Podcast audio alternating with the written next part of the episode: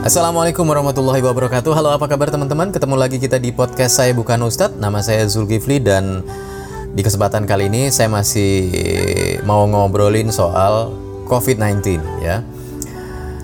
Oh ya eh, Saat saya melakukan rekaman ini Rekaman untuk podcast ini Saya sebenarnya sedang berada di mobil Saya sedang mengantar istri saya eh, berbelanja Untuk memenuhi kebutuhan sehari-hari tapi saya tidak keluar dari mobil.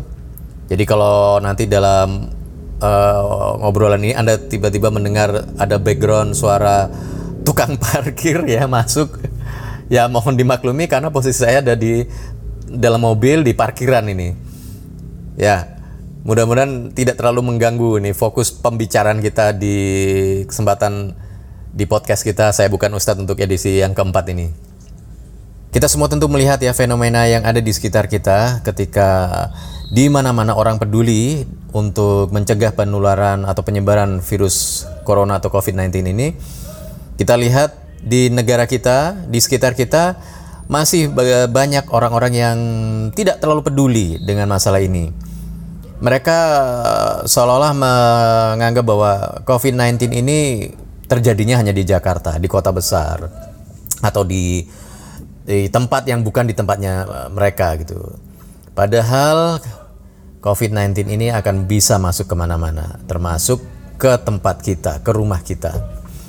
Nah, ada himbauan dari pemerintah bahwa untuk mencegah penyebaran virus eh, virus corona atau COVID-19 ini adalah dengan cara tidak berjabat tangan dengan orang lain, ya, dan kemudian cuci tangan pakai sabun atau hand sanitizer. Nah, saya mau membahas dari sisi tidak berjabat tangan ini. Ini yang memang terasa sangat sulit sekali di negara kita, terutama kalau kita bicara masalah eh, aktivitas sehabis sholat berjamaah atau aktivitas dari teman-teman sesama jema jamaah eh, masjid ya, atau teman-teman ngaji ini. Yang saya masih lihat terutama di masjid-masjid yang masih dilaksanakan sholat berjamaah ketika antar jamaah bertemu satu sama lain, mereka masih saja tetap berjabat tangan ya. Bahkan mungkin kita sendiri ketika ketemu dengan teman kita, ketika kita mereka mengulurkan tangan, kita tuh jadi nggak enak sungkan gitu kalau tidak menyambut uluran tangan itu dan akhirnya melakukan jabat tangan. Itu bisa kita lihat lah di tempat kita ya, di sekitar kita. Saya pun sering mengalami hal seperti itu. Jadi ketika bertemu dengan seseorang, apalagi kalau orangnya lebih tua dari kita, rasanya itu nggak enak kalau kita menolak uh, jabat tangan yang diulurkan oleh mereka. Padahal sa salah satu cara untuk memutus mata rantai penyebaran COVID-19 ini adalah dengan tidak berjabat tangan. Nah tapi sulit gitu loh karena ini sudah menjadi kebiasaan kita apalagi umat Islam kalau bertemu selain menyapa dengan assalamualaikum ya tentu saja berjabat tangan. Kalau kita menolak sepertinya itu kita uh, lebay gitu. Kita merasa kita seolah merasa nggak enak lah cuma jabat tangan aja nanti kan bisa cuci tangan ya nanti kan bisa uh, pakai hand sanitizer. Iya kalau kita sempat pakai hand sanitizer. Iya kalau kita nggak lupa gitu kan.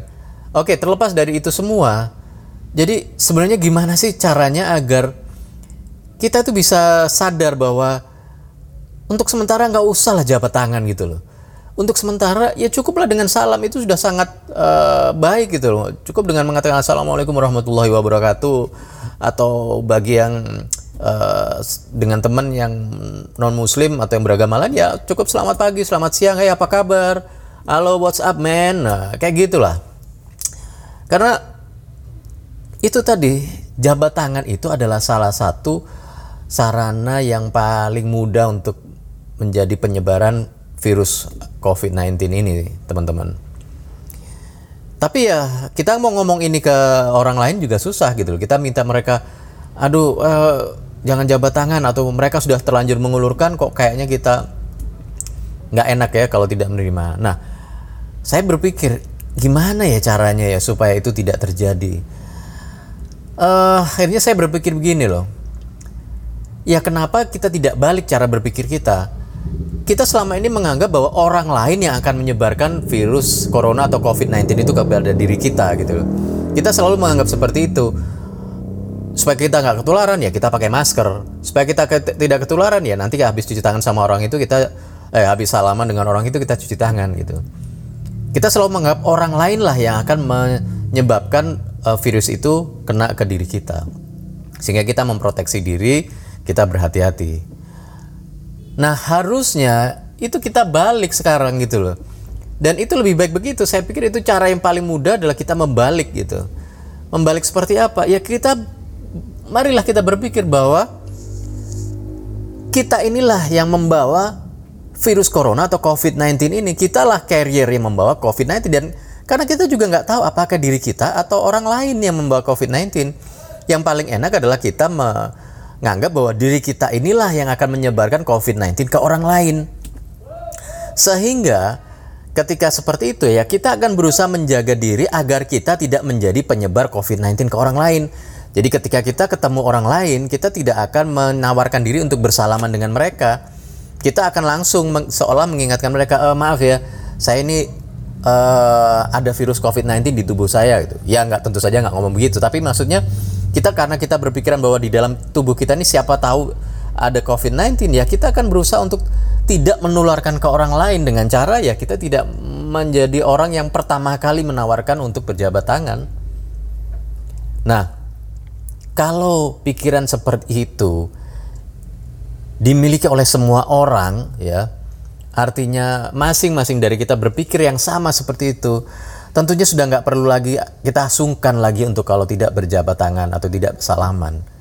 Karena kita masing-masing sadar bahwa siapa tahu diri kita ini sebenarnya lah yang menjadi penyebar COVID-19 ke orang di sekitar kita. Jangan sampai kita ini menjadi orang yang menyebabkan orang lain sakit. Gara-gara kesalahan kita yang sudah tahu diri kita ini sakit, kita masih saja menyebarkan atau menjadi saran untuk menyebarkan virus COVID-19 ini ke orang lain gitu. Saya pikir kalau semua orang melakukan seperti itu, semuanya akan sadar diri. Jadi ketika masing-masing dari kita misalnya ini pergi ke masjid ya, kalau di masjid itu masih tetap ada sholat berjamaah, ya kita akan berusaha menjaga diri. Kita masuk ke masjid sudah dalam keadaan cuci tangan, setelah wudhu cuci tangan atau sebelumnya, kemudian kita sudah memakai masker dan kita membawa sajadah sendiri, membawa sajadah kecil, eh, kecil lah minimal ya sehingga kita tidak menjadi penyebab penularan virus corona atau COVID-19 ke jamaah yang lain. Sebenarnya cukup seperti itu aja sih cara berpikir kita. Karena ya itu yang paling mudah gitu untuk kita lakukan. Kalau kita tidak punya pikiran seperti itu, masing-masing dari kita cuek ketemu, assalamualaikum, salaman. Kita sholat, kita bersujud di karpet, di karpetnya masjid. Kita eh, tidak tahu siapa di antara kita yang membawa atau menjadi carrier COVID-19 atau mungkin penyakit yang lain sehingga akhirnya menularkan ke orang lain. Nah, kalau seperti itu, apakah kita tidak merasa berdosa kalau ternyata sebetulnya COVID-19 itu ada di dalam tubuh kita gitu loh? Karena kan ada itu istilah orang tanpa gejala kan. Jadi nggak ada gejala orang itu tetap sehat walaupun ada ada COVID-19 di ada ko- virus corona di dalam tubuhnya. Tapi karena dia daya tahan tubuhnya bagus, kebal, ya dia tidak terkena. Tapi dia bisa menularkan ke orang lain. Nah, kalau itu ternyata kita yang menularkan ke orang lain, sementara kita tahu bahwa sebetulnya itu bisa dicegah, kan berarti kita dosa sebetulnya. Nah, itulah kadang-kadang yang ah, su- susah gitu ya untuk menyadarkan eh, kita ini untuk bagaimana kita eh, bergaya hidup sehat, bagaimana kita menolong. Oke, jadi kita kalau menurut saya lebih baik kita berpikir begini, oke saya harus menjadi orang yang akan menjadi solusi bagi pemutus atau pemutus mata rantai COVID-19 ini. Kalau saya ingin memutus mata rantai penyebaran COVID-19, saya harus mulai dari diri saya sendiri. Saya tidak akan uh, menyebabkan orang di sekitar saya sakit karena saya tidak pernah tahu dalam diri saya ini ada COVID-19 apa tidak gitu. Jadi saya tidak akan menyalami orang lain. Saya akan berusaha untuk selalu memakai masker. Saya akan berusaha untuk cuci tangan dan saya akan berusaha untuk tidak menyebabkan uh, menjadi sarana penyebar COVID-19.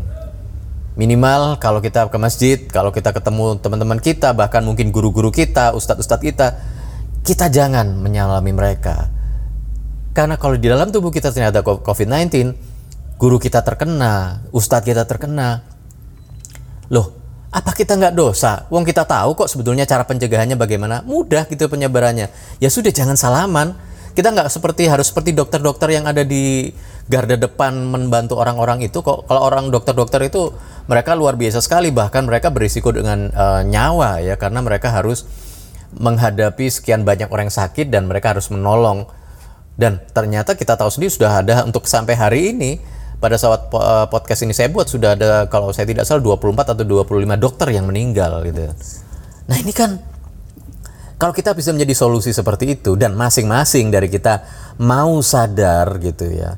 Mau berpikir sehat, mau menggunakan akal sehat kita, tidak hanya berlindung kepada kecuekan kita atau menganggap bahwa ah nggak mungkin lah itu ke mau diri kita ke Malang, ah nggak mungkin lah. Saya kan tetap berpikir positif, saya selalu berpikir optimis, jadi saya akan selalu kebal. Oke, anda yang kebal, tapi orang lain di sekitar anda tidak kebal gitu.